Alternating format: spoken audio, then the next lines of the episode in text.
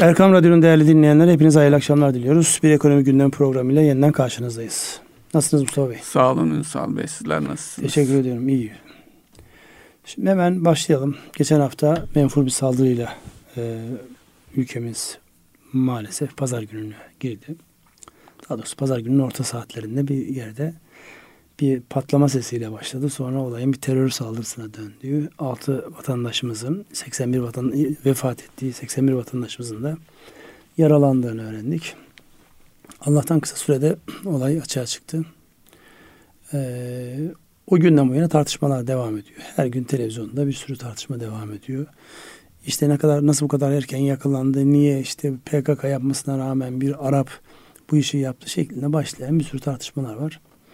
Arkasından tabii bir olay daha oldu. O da e, Rusya'dan fırlatıldığı iddia edilen e, füzelerin Polonya'ya düşmesi. O da teyit edilmedi ama o da ortalığı bir gerdi. İnsanlar bir gerildi. Sonra e, aynı za- zaman zarfında yani hafta sonunda G20 zirvesi vardı. Bütün liderler Putin hariç e, Endonezya'nın Bali Adası'nda bir toplantı yaptılar. Orada görüşmeler oldu. Yani gündem yoğundu. Şimdi bu gündemler hangisiyle başlamak istersiniz? Hangisinin nereye ne kadar etkisi var? İşte maalesef e, İstiklal Caddesi'ndeki bomba özellikle e, ekonomimizi de açıdan bakıda, bakacak olursak e, etkilemeye e, dönük bir e, saldırıydı. Tabii e, toplumsal olarak şey siyasi tarafına çok fazla girmeyelim ancak e, toplumun e, belli bir kısmının yani e, kimin tarafında yer aldığı konusunda bir kafa karışıklığı e, olduğu da görülüyor. Bu da üzerinde durulması gereken bir şey. E, tabii turizm özellikle ekonomik açıdan bizi rahatlatan bir olguydu. E, ve yıl e, yani turizm sezonu sonbaharda biterdi bu yıl e, daha da uzayıp tüm e, kış mevsiminde kapsayacağını bekliyoruz, umuyoruz. Dolayısıyla e, İstiklal Caddesi de İstanbul'a gelen turistlerin yani her milletten turistin mutlaka enteresan bir şekilde gidip gezmek istediği bir alan ve popüler bir cadde yani dünyanın neresine giderseniz gidin İstanbul'u sorduğunuz zaman İstiklal Caddesi'ni mutlaka duymuştur, e, e, geçmiştir. E, aynı şey işte bir takım dünya metropollerinde de vardır. Mesela Fransızların bir Şanzelizesi var. Başka e, Londra'da neresi var bilmiyorum. E, böyle bir e, algı var. Dolayısıyla tam da e, turizmin kalbine konulmuş bir bomba. E, e, şükür ki zamanında e, yakalandılar ve e, şey aydınla e, kavuştu kimlerin ne yaptı e, ve tutuklandılar. E, öyle de bir gelişme oldu. Dolayısıyla aksi halde belirsizliğin olması halinde bir güvenlik endişesi ve güvenlik e, sorunu olarak ortaya çıkacaktı. Tabi buna rağmen belli ölçüde de etkilemesi e, mümkün, etkilemez inşallah diye e, yorum yapalım. Evet burada özellikle e, bu tip haberlere çok duyarlı olan piyasalar yani para piyasaları, sermaye piyasaları çok fazla bir tepki vermedi. Bir olayın pazar günü olması, hemen arkasından e, faillerin yakalanıyor olmuş olması e, piyasaları bu anlamda çok fazla etkilemedi. Ama e, tabii ki turizmle alakalı. Bunu tabii istatistiklerini sonradan göreceğiz. Yani bir tedirginlik yaşatmıştır insanlara. Yani yeniden mi başladı ne oluyor? Çünkü 6 yıldır İstanbul'da böyle bir hadise yoktu. Evet yani bu konu böyle. Gelelim uluslararası tarafa. Şimdi bir taraftan e, ya Rusya'ya uygulanan ambargo var. Bu ambargo ile ilişkili olarak bizim dikkatimizin çekildiği hususlar var. Ama Türkiye tarafsızlığını bu anlamda daha doğrusu eşit mesafesini koruyor. Tarafsızlıktan ziyade kendi e, koymuş olduğu e, yürüyüş yol haritasına uygun hareket ediyor. E, fakat geçtiğimiz hafta enteresan bir şey oldu. Yani Fransa, Almanya, Rusya ile görüşme konusunda kapılar araladılar. Yani özellikle bu e, Polonya'ya düşen füzeler ya da düştüğü söylenen füzelerden sonra Avrupa acaba şöyle bir karar mı aldı? Ya tamam sen oradan uzaktan uzağa tepiniyorsun da bütün faturayı biz ödüyoruz. Yani önce üzerimizden bir Covid geçti. Daha Covid'in ne olduğunu anlamadan yeni baştan e, bir savaşın içerisine itildik ve insanlarımız mağdur. Pahalıya tüketiyoruz, pahalıya yaşıyoruz. Senin hayatında değişen bir şey yok mu demek istiyor acaba? Öbür taraftan da Çin'in e, uygulamış olduğu sıfır Covid politikasına rağmen vakalarda çok ciddi artışlar görülmüş. Yani burada e, enteresan bir gelişme yani Covid zaten daha ne olduğunu bile anlamamıştık. E, arkasından Rusya savaşı, Rusya-Ukrayna savaşı. Bunu bir değerlendirir misiniz? Yani Avrupa acaba e, bu medyaya yansıdığı gibi kapıları aralamaya mı çalışıyor? Yeniden Rusya ile gel orta bir yerde anlaşalım mı demek istiyor? Ne demek istiyor konusunda? Size ben sorayım. Ee, tabii e, Avrupa özellikle bu e, savaş nedeniyle ciddi bir sıkıntıya girmiş durumda. E, özellikle enerjiyle başlayan bir süreçte e, enerji maliyetleri oldukça yükseldi. Dolayısıyla bu bu ülkelerin hiç de alışık olmadıkları yüksek enflasyona neden oldu. Tabii bunun başka uzantıları da var. E, bir de Polonya'ya düşen bomba çok e, önemli bir hadiseydi. Çünkü bir taraftan e, kırılganlığı gösteren bir şey yani her an savaşın e, bir üçüncü dünya savaşına dönüşecek potansiyelin olduğunu gördük. E, bu, bu o, o bomba da hızlı bir şekilde netleştirildi. Neticede Amerika'nın açıklaması oldu. Yine e, Cumhurbaşkanımızın ifadesinden işte Almanya e, Başbakanı ile yapılan görüşmede olay netleştirildi. E, ve orada da şu dikkat çekici bir durum. E, bu olay G20 toplantısında olduğu için e, Putin hariç tüm dünya liderlerinin yani önde gelen ülkelerinin ülkelerin devlet başkanlarının olduğu bir yerde. Dolayısıyla bu problem e, çok birebir konuşularak çok hızlı bir şekilde çözülebildi. Acaba olmasaydı işte karşılıklı suçlamalarla nereye varırdı? Yani e, büyür müydü gibi bir endişe var, kırılganlık.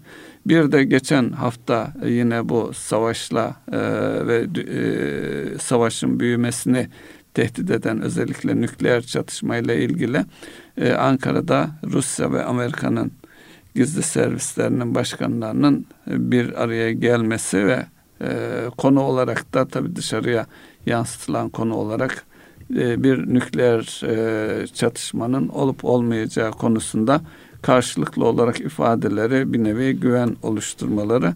Bu da rahatlatan bir gelişme ancak bir araya gelmiş olmaları da böyle bir riskin nedenli yakınımızda olduğunu gösteriyor. O da bir gerçek.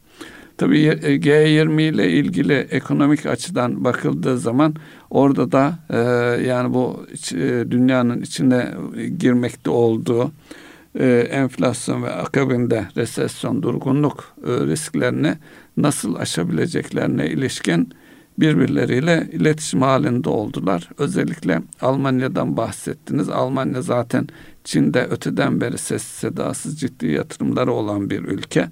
Dolayısıyla yine Çin üzerinden e, daha da e, ekonomisini rahatlatacak e, çalışmalar içinde olduğunu görüyoruz.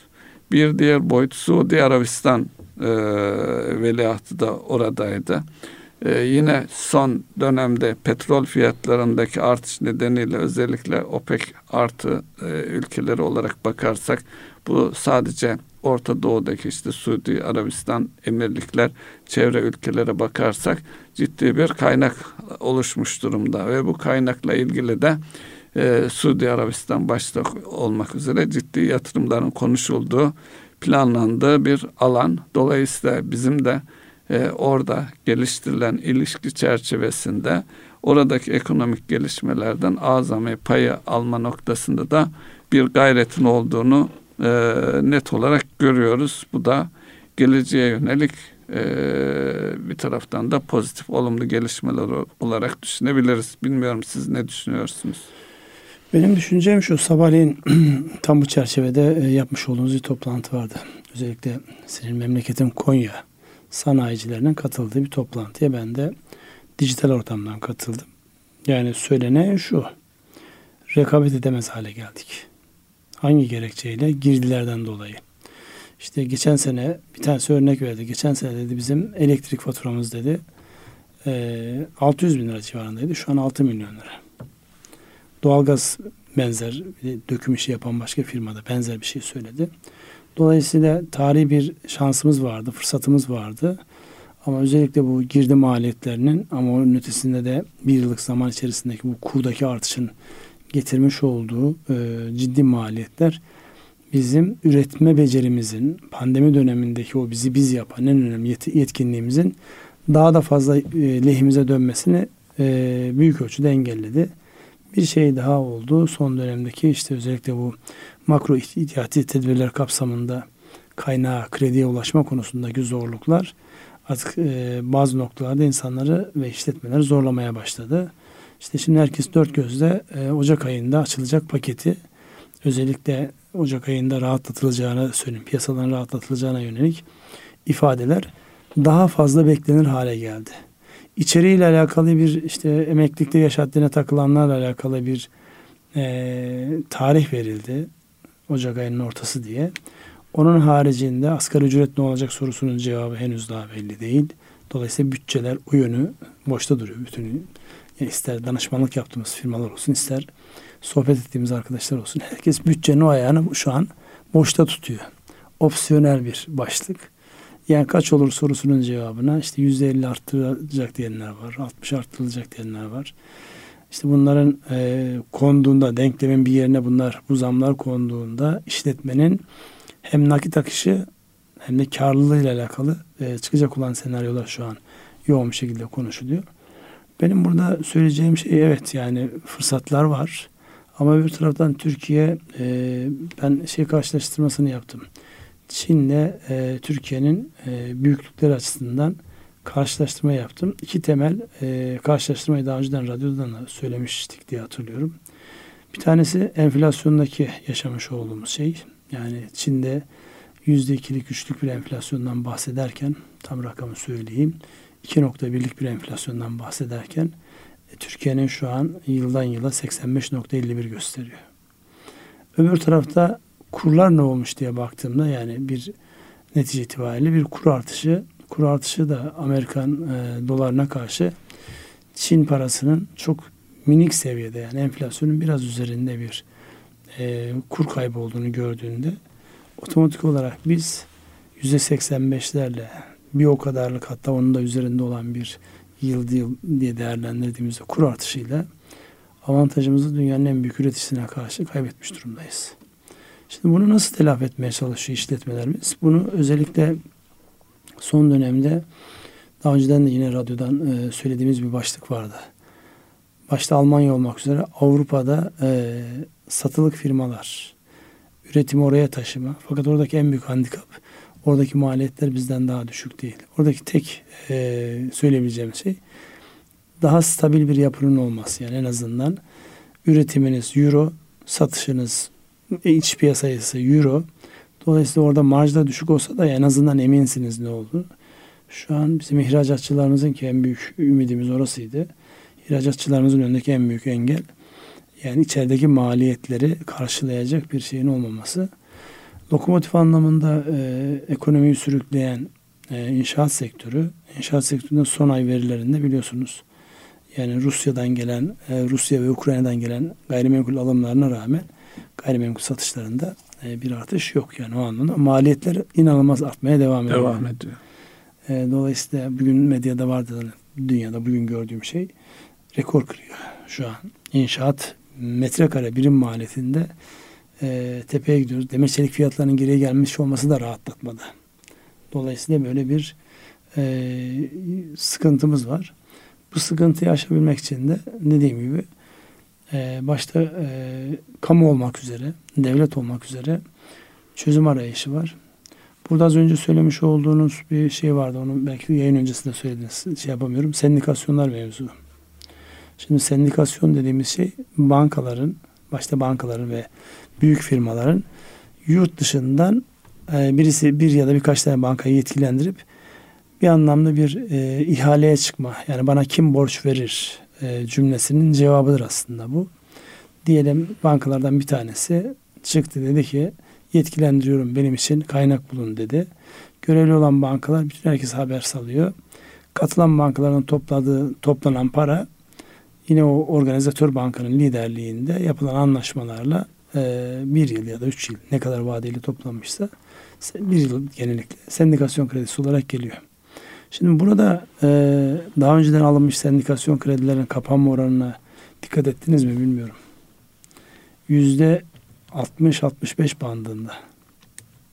Yani 100 liralık borcumu ben ödüyorum. 65 lira bana borç veriyorlar. Acaba bunu Türk bankaları mı istemiyor?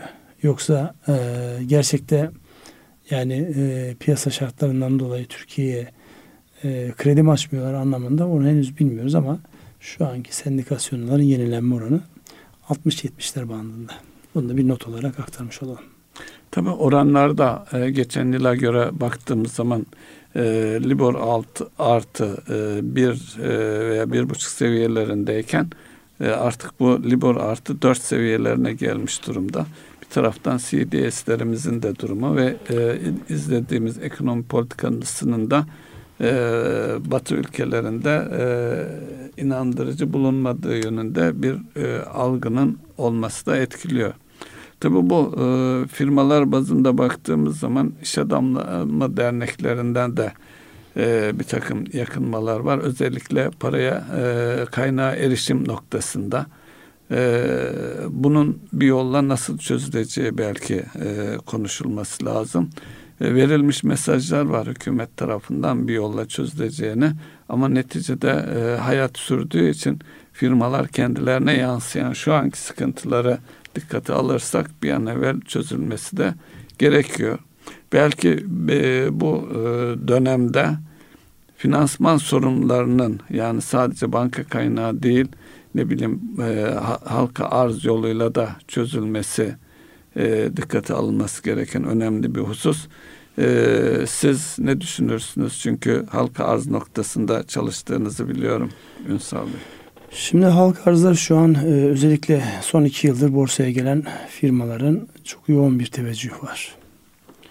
Yani bu yoğun teveccüh bundan sonraki süreçte de halk arzlara devam edeceği noktasında e, ümit taşınıyor. Bir e, SPK Ağustos'taki bir görev değişikliğinden sonraki süreçte bir üç ay kadar yeni halk arzlara e, müsaade etmemişti, izin vermemişti. Geçen haftadan itibaren tekrar halk arzlar başladı. Yani ve e, piyasada da ciddi talepler geliyor. Fakat burada dikkat çeken şeylerden bir tanesi hem e, borsaya yeni gelen firmalar açısından hem de daha önceki firmalar açısından özellikle teknoloji ve enerji ağırlık, ağırlık olan firmalarda yani e, piyasaların kabul gördüğü tekniklerin çok ötesine geçti. Yani fiyat kazanç oranı dediğimiz şey yani bir şirketin e, piyasa değeriyle yıllık geliriyle arasındaki korelasyonun ölçüldüğü bir yerdir. Yani oradaki işte onun altındaysa fiyat kazanç oranı onun altındaysa e, alınabilir. Yani makbuldür. E, işte 5 5'in altındaysa süperdir. Kesinlikle alınabilir. Çünkü 5 yıllık geliriyle fiyat e, şirketin bedeli 5 yıllık gelirine denk. Yani 5 yıllık geliri şirketin ödenen parayı neredeyse karşılayacak. Ama bu zaman içerisinde şöyle bir şey oluştu. Yani o 150 yıllık, 200 yıllık gelirlerine denk düşen fiyatlardan işlem gören hisseler. O da biraz e, insanlar da şunu söylüyor. Kriptodan hızını alamayanlar, oradaki e, rahat kazanmaya alışmış olan insanlar cümbür cemaat toplanıp buraya mı saldırdı diye gayri ihtiyar düşünürtüyor. İşte onlardaki hareketlerin sert olması da küçük yatırımcılar açısından çok büyük risk. Yani trenin son vagonuna binmişse o yatırımcı yani peş peşe 3 gün 4 gün ki yani mesela 2 gündür taban taban gelen o e, bahsettiğimiz türde firmalar var. Yani aşırı değerlenmiş olan firmalar var. Ama bunlara rağmen halka arzlar hala çok cazip. Yani geçtiğimiz hafta iki tane halka arz şey oldu. Bir tanesinde talebin neredeyse yani 50 katı 100 katı oranında e, yani arzın e, 50 katı 100 katı oranında talep geldi. Orada da işte ya oransal dağıtıyorlar ya eşit miktarda dağıtıyorlar. Ama talebin önemli bir kısmı iç yatırımcıdan. Onu çok net anlıyorsunuz. Zaten borsanın geneline baktığınızda %30'un altına düşmüş vaziyette yabancının payı. Ne tutuyor peki borsayı? Bir, alternatif piyasalardan, gelirlerden mahrum e, kalan ya da onları beğenmeyen insanların e, daha riskli ama daha fazla getirisi olduğuna inandıkları borsaya yöneliyorlar. İkincisi de Türkiye e, belki de son 20-30 yıldır yaptığı en akıllıca şey özellikle emeklilik fonları başta olmak üzere kurumsal yatırımcı ve uzun vadeli kurumsal yatırımcı olabilecek gelişmelerin önünü açtı. Onlar da şu an e, piyasaya e, yeni e, enstrümanların gelmesi, yeni firmaların halka arz edilmesi noktasında teşvik edici bir unsur. İşte burada söyleyeceğimiz şey insanların e, aşırı beklentilerle dolduruşa gelip ve teknik anlamda değil, temel anlamda yani e, yatırımcılığa uymayacak hareketlerden mümkün olduğunca uzak durmaları beklenir. Fakat firmalar açısından baktığımızda müthiş bir kaynak orası. Oraya ilgi ve alaka artacaktır. İlgi alaka artsın noktasında açıkçası benim de e, danışmanlık yapmış olduğum firmaları çok net bir şekilde öneriyorum oraya yönelmeleri konusunda. Çünkü maliyetsiz bir kaynak. Eğer e, sermaye piyasası kurulunun belirlemiş olduğu halka arza uygun bir e, yapıları varsa yani halka arzı hak edecek finansal büyüklükleri varsa o şirketlerin hiç tereddütsüz kendilerini halka arz sürecine sokmalarını buradan tavsiye ederiz. Çünkü disiplin eden, kurumsallaştıran da bir süreç. Yeter ki niyetlerini bozmasınlar. Şimdi sizin bahsettiğiniz konulardan bir tanesi e, bazı firmaların e, aşırı değerlenmiş olması.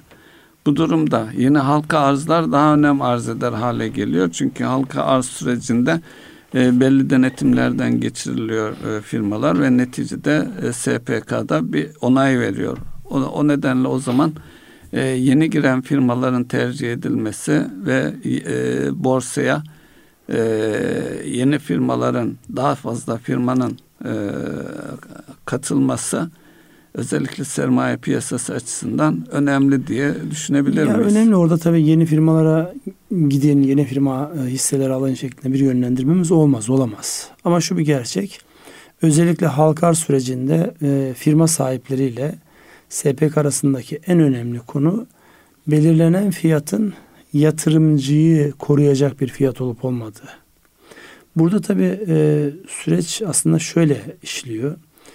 Başlangıçta yüzde yirmi, yirmi beş, otuz, maksimumda yüzde kırk halka açılıyor. Zaman içerisinde ortaklar ellerinde kalan hisseleri fiyat yukarı gittikçe satıyorlar. Yani kurucu ortağın bazen payı yüzde beşe, yüzde ona, yüzde on beşe kadar düşebiliyor.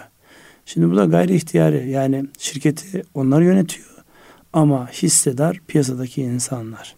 Dolayısıyla burada işte e, asıl şey orada başlıyor. Sıkıntı orada başlıyor zaman içerisinde insanların e, şirketlerine olan bakış açıları ve e, varsa inşallah kimse de yoktur ama niyet bozulması yani bunu birilerinin üzerine yıkıp oradan e, zaten parasını almış oluyor fazlasıyla almış oluyor. Dolayısıyla inşallah bu tip böyle şeyleri de SPK'nın yaklaşımıyla engellenmiş olacak.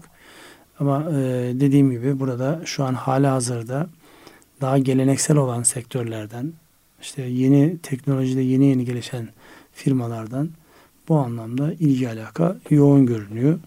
Hem yeni halka arzları anlamında hem de mevcut piyasadaki hisselerin alınıp satılması anlamında hareketli bir dönem yaşıyoruz ve yaşamaya da devam edeceğiz. Öyle gözüküyor. Ee, şimdi yeni halka arzlar aynı zamanda firmaların içinde bulunduğu enflasyonist dönem dikkate aldığı zaman alındığı zaman e, bilançoların düzeltilmesi adına enflasyon muhasebesi bir zorunluluk haline geldi mi? E, Ocak ayındaki bir e, şeyle kanun değişikliğiyle e, aslında e, e, vergi usul kanuna göre e, enflasyon muhasebesi uygulanacak bir süreçteyiz ancak ertelenmişti. 2023 için e, uygulanmasına karar verilebilir mi? Karar verilmezse e, şeyleri firmaları nasıl etkiler? Yani buna yönelik yakınmalar da var enflasyon muhasebesi olmadığı için e, kar e, etmediği halde vergi ödemek gibi bir zaruret ve bir taraftan da firmaların gerçek bilançolarının gerçeğe yansıtmaması gibi bir e, handikapın e, ortaya çıktığı bir gerçek. Hatırlarsanız biz bunu geçen hafta da konuşmuştuk. Evet. Enflasyon muhasebesi öncelikli olarak kamu istemez böyle bir şey. Yani devlet istemez böyle bir şey. Çünkü yani şu anki şeye baktığınızda e, giderler artıyor. Ekonomiyi düzene sokabilmek için e, daha önceden planlanmamış, bütçelenmemiş, revize bütçelerle devreye alınmış müdahaleler ve e, yani açıkçası kaynak ihtiyacı olan şeyler var. Dolayısıyla ya sadece Türkiye için değil, bütün dünyada e, yüksek enflasyon olduğu dönemde yani e, enflasyon muhasebesi teknik anlamda gerektirmiyorsa hiçbir kamu ya da devlet geçmez ona. Türkiye'de de ona yönelik bir şeyin olduğunu zannetmiyorum şu an. Öyle bir yani en azından e, çalışmanın olduğuna dair herhangi bir şey yok. Talep var, iş dünyası bunu istiyor. Sermayemiz azalıyor. Evet. Kazanmadığımız paraların vergilerini ödüyoruz şeklinde bir serzeniş var. Ama orada diyecek bir şey yok yani. E, devlet kendisinin yani ayakta tutmak için maksimum ölçüde bir gayret içerisinde. Öbür taraftan da firmaların talepleri var. Denge sağlanacaktır ama enflasyon muhasebesini açıkçası ben beklemiyorum. Yani yakın zamanda. 23 zaman. için de beklemiyorum diyorsun. Olsaydı zaten şu an açıklanırdı. Yani evet. hatta biliyorsunuz şu an e, Ekim ayındaki enflasyon, Ekim enflasyonun şöyle bir önemi vardı. Oradaki oran yeniden değerlemeyi, işte cezaları, harçları yani devletin fiyat belirlemiş olduğu bütün şeyi belirleyici unsurdu.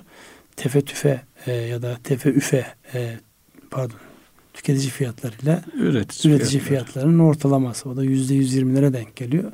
Geçen hafta da konuştuğumuz üzere burada Cumhurbaşkanı'nın indirim yetkisi var.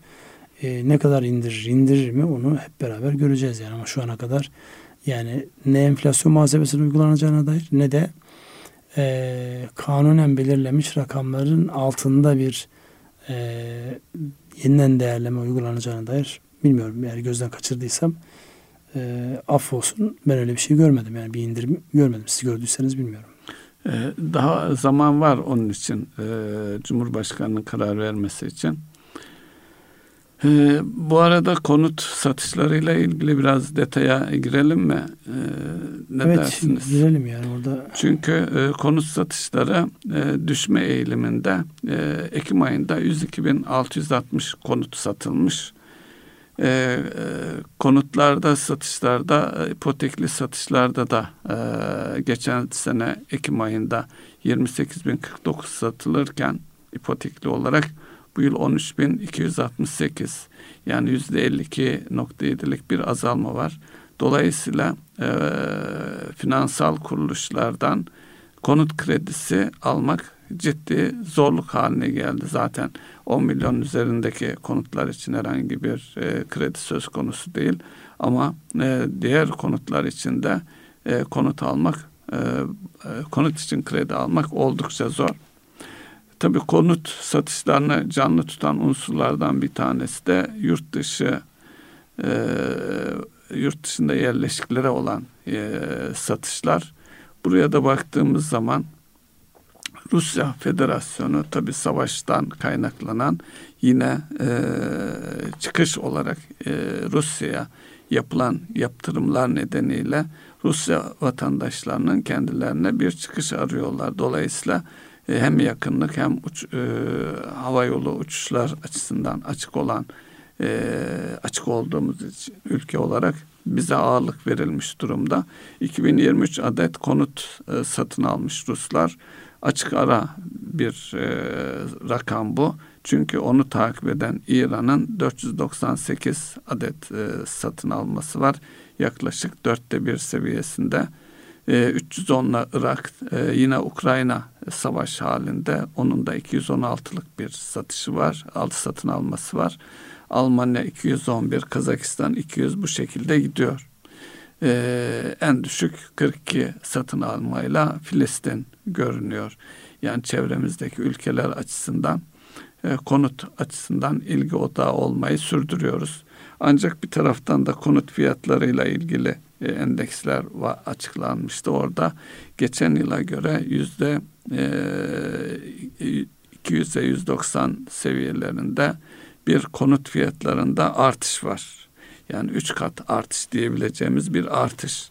Ve bir taraftan da baktığımız zaman e, inşaat maliyetlerindeki e, ciddi artışlar nedeniyle konut üretiminde de e, beklenen yani bu fiyat artışlarına göre normal zamanlarda konut üretiminin artması beklenir. Ancak maliyetlerin bu seviyede olması nedeniyle konut e, üretiminde beklenen bir artış yok. Tabii biz sadece e, fiyatlar e, açısından bakıyoruz. Bir diğer husus da şeylerle, e, firmalarla, müteahhitlerle konuştuğumuz zaman işin farklı bir boyutu da ortaya çıkmış durumda. O da konut e, üretim sürecinde yer alan e, çalışanlar, hizmet edenlerin durumu. Dolayısıyla orada da bizim ülkemizden e, nasıl IT tarafındaki yazılımcıların yurt dışına yöneldiğini, hizmet verdiğini biliyoruz. Ancak inşaatta da benzer bir süreç yaşanıyor. Hem Türkiye Cumhuriyetleri hem de Orta Doğu ülkelerine e, ciddi biçimde e, göç yaşandı. Yani e, firmaların çalıştıracak e, inşaatta e, insan bulamadığı gibi bir yakınma var. Bu da temel sorunlardan bir tanesi. Burada da ciddi e, maliyet yükselmeleri var. Yani sadece hiçbir işi olmayan e, kapıda e, bekçi olarak kullanılabilecek bir elemanın e, yevmiyesinin 600 lira civarında olduğu söyleniyor. Şimdi o öyle dediğinizin e, şöyle bir şey var. Yakın zamanda biliyorsunuz birkaç defa işte Türkiye Cumhuriyetlerinin başta Özbekistan olmak üzere yoğun ziyaretler oluyor. Ve bu ziyaretlerde sadece diplomatik ziyaret değil aynı zamanda iş dünyasından da insanlar gidiyor. Ki Özbekistan son zamanlarda Türkiye'den ciddi yatırımlar konusunda yani hem ilişkilerin iyi olması sebebiyle hem de oradaki e, az önce sizin söylemiş olduğunuz çalıştırılabilecek insan noktasında, insan kaynağı noktasında nispeten diğer e, Türkiye Cumhuriyetlerine göre daha geniş bir e, nüfus yapısı olduğu için oralara yatırım için gidiyor. Ya Türkiye'nin aslında baktığınızda 1989'dan bu yana yani bu işte Glasnost açılımından sonra ilk e, Türkiye Cumhuriyetleri gidenlerin tabii bir, bir kısmı maceracı şeylerdi. Oralarda çok fazla e, tutma olmadı ama iyi bir deneyimi var. Yani uluslararası deneyimi üst seviyede. Başta müteahhitlik sektörü olmak üzere üretme konusunda dünyanın muhtelif yerlerinde farklı beceriler olan bir ülkeyiz. Dolayısıyla e, bir yerde sıkıştığınızda maliyet unsuruysa çünkü rekabette, ihracatta en önemli belirleyen eğer marka değilseniz yani insanlar siz ne üretirsen üretin markanızdan dolayı sizi almıyorlarsa baktıkları bir şey var. Kalite ve fiyatına bakıyorlar. Kalitesi yüksek ama fiyatı hepsinden yüksekse orada kaliteden taviz verebiliyorlar. Dolayısıyla Türkiye'nin bu anlamda kendisine avantaj sağlayacak yeni açılımlar arayışı farkındayız. Firmalar bunlar arayış içerisinde. Ama ben daha çok özellikle batılı tarafta yani batılı ülkelerde Avrupa'da yapılan aramalar, araştırmaların çok yoğunlaştığı yani oradaki e, bütün bu e, çalıştıracak insanın maliyeti yüksek olsa dahi işte marka olmuş daha böyle o piyasanın içerisinde herhangi bir e, sınırlamaya tabi olmaksızın üretip ve satmak noktasında ya da ticaret yapmak noktasında oranın sanki daha bir cazip oldu. Rakamsal anlamda o piyasaların daha büyük e, yatırımları ve hareketleri kaldırabileceğine dair bir hissiyatım var. Ama dediğiniz doğru. Dünyanın her tarafında Afrika'da araziler kiralanıyor, tarım yapılıyor. Belli yerlerde üretimler yapılıyor. Yani son zamanlarda biliyorsunuz tekrar Mısır'la biraz ilişkilerimizin düzelmesinden dolayı yeniden Mısır'a yatırımlar başladı. Karşılıklı geçişler başladı. O anlamda mesela Mısır'dan Türkiye'ye çalışmak için gelen insanlar özellikle e, daha yetişmiş mühendis, yazılım ve diğer taraflarda ben daha önce hiç karşılaşmadığım kadar insanlar karşılaşmaya başladım burada. Evet. Bir diğer konu bu savaş nedeniyle ülkemize yönelik yaptırımların ülkemiz ekonomisi açısından bir tehdit oluşturur mu endişesi. Ee, tarım e, buğdayla ilgili hububat anlaşması e, hafta içerisinde Cumhurbaşkanımız açıkladı. E, o da önemli bir e, siyasi başarılı olarak altını çizmemiz gerekiyor. 120 gün uzatıldı. Şimdi e, bu e, olumlu bir gelişme. Bunun yanı sıra Rusya'nın buğday ve gübresine olan e, gübre ihraç edemiyor Rusya. Normalde bu ürünlerle ilgili herhangi bir problem olmamasına rağmen işte tahsilat ve lojistik gibi zorluklar, e, yaptırımlar nedeniyle dolaylı olarak hareket edemiyor. Dolayısıyla bu anlaşmanın uzatılmasıyla beraber e, anlaşmaya dahil olan bu konularında uygulanmasıyla ilgili Rusya'nın e, ciddi bir duruşu var. Dolayısıyla o da e, daha çok bizim üzerimizden ifade ediliyor. Yani neticede e, yaptırımlar söz konusu olduğu için bu yaptırımlar sadece ekonomik yaptırımların ötesinde kimin ne dediğinin dünya kamuoyuna aktarılmasında da e, bir yaptırım örtülü biçimde ortada. Dolayısıyla bizi özellikle Cum, e, Cumhurbaşkanımız ve Dışişleri Bakanı'nın açıklamaları var.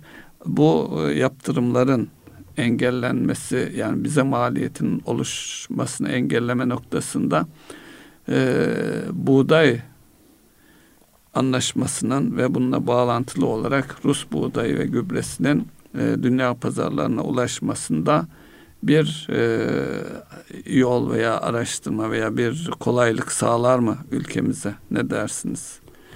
Bir çıkış yolu olur mu? Ya çıkış yolu oldu, oldu zaten yani şu an Türkiye bu anlamda her ne kadar sözlü olarak belli yaptırımlara maruz kalsa dahi şimdi mesela eskiden olsaydı e, ülkeler bu anlamda e, duruşlarını nasıl sergileyeceği konusunda tereddüt yaşayabilirlerdi. Yani hatırlarsanız geçen işte bu Polonya'ya düşen e, füzelerden sonra hemen kısa süre sonra Türkiye mesela dedi ki biz Rusya'nın açıklamasını makbul ve itibarlı görürüz. Yani doğru söylediklerini düşünüyoruz.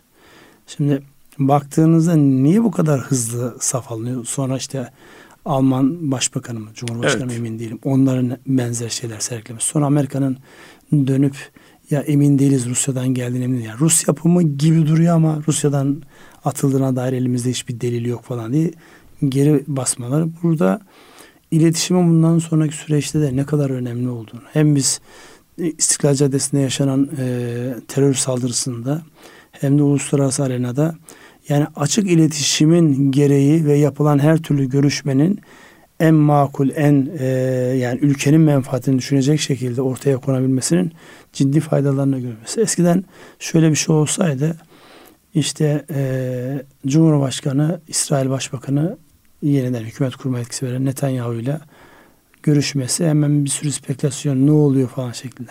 Ama enteresandır mesela İstiklal Caddesi'ndeki terör saldırısının hemen arkasında başsağlığı için arıyor Netanyahu. Evet. Cumhurbaşkanımıza dönüyor. Kendisine teşekkür olarak dönüyor ve bir bilgilendirme yapıyor karşılıklı. Bu da şunu gösteriyor. Eskiden tek kaynaktan ve onların istediği gibi yönlendirilen iletişimin bundan sonra eğer siz bir yanlış yapmazsanız kartlarınız açık ve argümanlarınız sağlamsa çok ciddi e, mesafeler kat edebilirsiniz ya da size e, biçilen e, ambargo gibi işte bir şeylere mahkum etmek gibi hususların e, önünün kesilebileceği gösteriyor. Hatırlarsanız F-16'larla alakalı bir açıklama gelmişti. Mesela ben uzun zamandan beri ilk defa Türkiye-Amerika şeyinde pozitif anlamda F-16'larda birlikte hareket edeceğiz. Biz gereken kolaylığı sağlayacağız diye bir şey gelmiş. Yani Biden'ın e, Cumhurbaşkanımızın söylemiş olduğu bir şey var. Olur olmaz onu bilmeyiz ama en azından yani arkadan böyle kapı arkasından parmak sallayarak yapılan şeylerin nispeten daha zorlaştığı bir süreçteyiz. Ben ona bakıyorum ve onu da önemsiyorum açıkçası. Tabii bu e, dediğiniz e, yani Cumhurbaşkanımızın açıklamasından hareketle sanki e, bu e, bizim Rusya ile ilişkilerimizde dikkate alındığında sanki Rusya'dan yana tavır koyuyormuşuz gibi bir algı veya suçlamalar ortaya çıkıyor. Tabii bunun da e, engellenmesi e, önem arz ediyor. E, zaten şu en son e, Polonya'ya düşen füzeyle ilgili olarak arada iletişim kurulabilecek, her iki tarafa da rahat ulaşabilecek bir aktörün e, elzem olduğu da ortaya çıkmış durumda. Belki bu da bizim e, ekonomiyi rahatlatma e, e, adına önemli bir kaynak, iletişim ağı olarak düşünebiliriz belki de. Evet yani bunu e, görüyoruz ve görmeye de devam edeceğiz herhalde. Ben de yani sizinle bu konuda e, aynı şeyi düşünüyorum. Evet. Başka neler değinmek istersiniz? Bu arada uzun yıllar ekonomi e, haberciliğinde hepimizin çok önemli kullandığı bir kaynak. E, ismine veda mı etti diyeceğiz. Kapandı mı yoksa başka bir şey. Yani çalışanlar oradaki yetişmiş ekip başka bir isim altında Dünya Gazetesi'nden bahsediyorum. Başka bir isim adı altında faaliyet göstermeye devam ediyorlar. Olayın gerekçesini ve arkadaşısındaki hikayeyi anlatır mısınız yani? Ee, üç yıl önce sanıyorum e, Dünya Gazetesi finansal sıkıntılar nedeniyle sahipliği tarafından kapanma noktasına gelmişti. O zaman e, gazeteyi yöneten ekip e, gazeteyi sahiplenmiş ve e, yönetimi değiştirerek e, faaliyetini sürdürmüştü. Ancak anlıyoruz ki e, bu faaliyet sürdürmesi daha önce Dünya Gazetesi'ne yönelik bir takım e, şeyler var. Finansal baskılar devam ediyormuş. E, ekip e, gazetenin isim hakkını kiralayarak faaliyetini sürdürmüşler. Tüm ekip olarak birlikte hareket ederek neticede geldiğimiz noktada e, e, sağ, eski e, sahiplikle yeni yönetim arasında bir problem çıkmış. Artık yeni ismine e, Dünya Gazetesi ismini kullanamayacaklar. Ancak ekip olduğu gibi faaliyetini sürdürüyor. Yani sevindirici olan şu, e, biz Dünya Gazetesi'nin daha önce sağladığı e, şeyi, imkanları, e, haberciliği kullanmaya devam ediyor olacağız. E, yeni isim olarak e, ne olacağını bilmiyorum ama internet sitesi ekonomim.com adında bir internet sitesiyle faaliyete devam ediyorlar. Sanıyorum önümüzdeki haftada e, isimleri netleşir. E, artık e, basılı gazeteciliğe mi yoksa sadece internet gazeteciliğine mi devam edecekler onları görüyor olacağız. Tabi bunlar e, bu tür yapılar e, kolay ortaya çıkmıyor. Uzun yıllar, on yıllarda e, ortaya çıkan değerlerimiz dolayısıyla bu değerler yani paydaş yaklaşımıyla bakacak olursak sadece onların değil artık topluma mal olmuş e, bir değer olarak da e, dikkate almamız gerekiyor. Bu da bir buradan örnekli hareketle tüm firmalar açısından da bu yaklaşımımızı vurgulamamız gerekir diye düşünüyorum. Ya tam da buna denk düşecek bir şey oldu. Dün gece e, bir konuyla alakalı özellikle bu e, halka arzlarla alakalı bir e, konu çalışırken dikkatimi çeken bir şey oldu. Özellikle e, dünyanın en uzun yaşayan şirketleriyle alakalı yazılmış kitaplar ve makalelere ulaşabildiğim kadarıyla yani dijital ortamdan ulaşabildiğim kadarıyla ulaştım. Daha sonra böyle basılı olarak da elimde bir tarihte aldığım kitaplara dolaştım. Orada e, özellikle işte e, Japonya'da bir bakır madeni işleten ya da İsveç'te bir kağıtçılıkla başlayıp bugüne kadar gelen e, böyle 700 yıllık 800 yıllık firmalardan bahsediliyor ve biraz daha böyle kapitalizmin ön plana çıktığı, işte şirketlerin daha ön plana çıktığı 19. yüzyılın e, ikinci yarısından itibaren kurulup günümüze kadar gelen firmalarla alakalı yapılan incelemelere baktığımda orada temel birkaç tane başlık var. Bir tanesi bir kere e, bu uzun soluklu olan şirketlerin neredeyse tamamına yakınında finansal anlamda, finansal kaynağın yönetilmesi anlamda bir tutuculuğun, bir muhafazakarlığın olduğunu görüyorsunuz. Yani hep böyle bir ihtiyatla hareket etme. Ki mesela bu son zamanlarda özellikle bunu e, sanayi e, bölgelerinde ya da o e, şeyde iş yapan firmalar gezdiğimizde görüyorsunuz. Mesela adam yeni 20 tane CNC koymuş. Bakıyorsunuz ciddi rakamlar. Nereden fonladın diyorsun. Öz kaynak diyor. Öz kaynak için işte tarihinde almış olduğumuz bir gayrimenkul vardı. O gayrimenkul bizim gözümüzde artık belli bir kıvama geldiğini kanat getirdik. Daha fazla tutmanın en azından bize bugüne kadar para kazandırmış işimizi sekteye uğratacağı yönündeki düşüncemizde o gayrimenkulü sattık ve öz kaynaklarımızla biz bu yatırımı yaptık şeklinde açıklamalar var. Şimdi bu bir tanesi yani finansal anlamda e, olmayanı harcamak, hep dışarıdan alacaksın. Bunun gideceği çok fazla bir yeri yok. Onun için bu halka arzlar konusunun çok önemli. Çünkü halka arzlar elde edilen kaynak eğer çarçur edilmeyip doğru yerlere gidiyorsa tam da söylediğimiz anlamda öz kaynaklarla finansmanın ta kendisi. Paylaşıyorsunuz. Şirketin tamamı sizin değil de yüzde yirmisini otuzunu daha geniş e, kitlelerle paylaşıyorsunuz. Orada da etik kurallara ve yani yasal kuralların hepsine uymanız kaydıyla. Bir diğer başlık yani uzun yaşayan şirketlerle alakalı söylenen bir diğer başlık değişen şartlara uyumlanabilme becerisi. Biz bunu aslında liderlik programlarında koçluk mentorluk yaparken de çokça değindiğimiz bir başlıktır. Değişen şartlara uyumlanabilme yani yanar döner olmaktan bahsetmiyoruz. Rüzgar gülü olmaktan bahsetmiyoruz. En ufak bir e, gelişmeye hemen e, morali bozup ya da gaza gelmeden bahsetmiyoruz. Değişen gerçek anlamdaki şartlara uyumlanabilme becerisi. Onun içindir ki özellikle bu stratejik yapılanma ile alakalı yapılan çalışmalarda çevre analizini çok önemsiyoruz. Paydaş analizini çok önemsiyoruz. Rekabet analizini çok önemsiyoruz. Niye? Rakipleriniz değişiyor. Dün sadece kendi e, organize sanayinizden bir tane rakibiniz varken şu an Tayvan'dan, Vietnam'dan, işte adını bile duymadığınız ülkelerden rakipleriniz geliyor. Siz onları yokmuş gibi davrandığınızda gelir yokmuş gibi sizi yok ederler. Dolayısıyla paydaşlar, ya umurunda değil tek paydaş var patron. E yok öyle bir şey yani. Şu an en önemli paydaşlardan bir tanesinin nitelikli çalışanlar olduğu gün gibi ortada. Çünkü hangi iş adamıyla konuşuyorsak herkesin ortak yakınması istediğim kıvamda, kalibrasyonda e, e, şey bulamıyorum. Çalışan bulamıyorum noktası. Bu da mesela çok önemli bir husus. Bir diğer husus daha uzatmayacağım. Liste biraz uzun ama bir diğerini daha değineceğim. Özellikle iç kaynaklardan yöneticileri yetiştirme konusunda.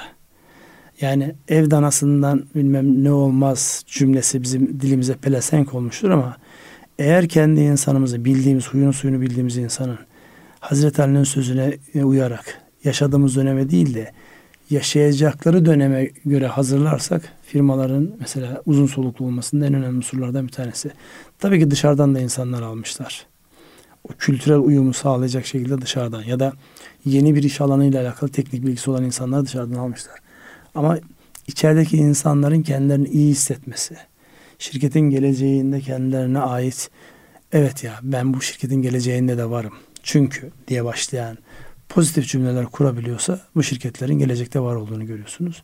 İşte bizde burada bir zihni değişikliğe ihtiyacımız var. Yani mesela Dünya Gazetesi örneğinden hareket ettiğimizde 40 yıllık, 50 yıllık, 60'lı yıllardan beri gelen bir şey ve 70'li yıllar diye hatırlıyorum. Tamam 70'li yıllar olsun ama yani e, bizimle neredeyse de, bizden yaşıt yani ya da evet, e, en evet. azından benimle yaşıt. 50 yılın üzerindeki bir süreçten bahsediyorsunuz. Şimdi 50 yıl belli bir noktaya getirdiğiniz şirket değişen şartlara ama e, işte paydaşlar giriyor devreye. Ortaklık yapısı değişiyor. Vefat ediyor ana ortak. E, varislere geçiyor. Ondan sonra bakış açısı değişince değişen şartlara adapte olamamış oluyorsunuz.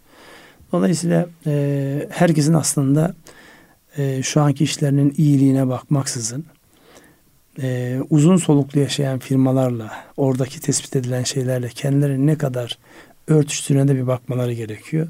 Son zamanlarda mesela şey görüyoruz böyle yıldız gibi parlayıp böyle işte önce unicorn sonra dekakorn olup sonra birden böyle sessiz sedasız yok olan firmalar görüyorsunuz. Onların da temelinde şey var uyumlanma konusundaki o güç sarhoşluğu zannediyorlar ilelebet aynı şey devam edecek. Dolayısıyla böyle sıkıntılarımız var.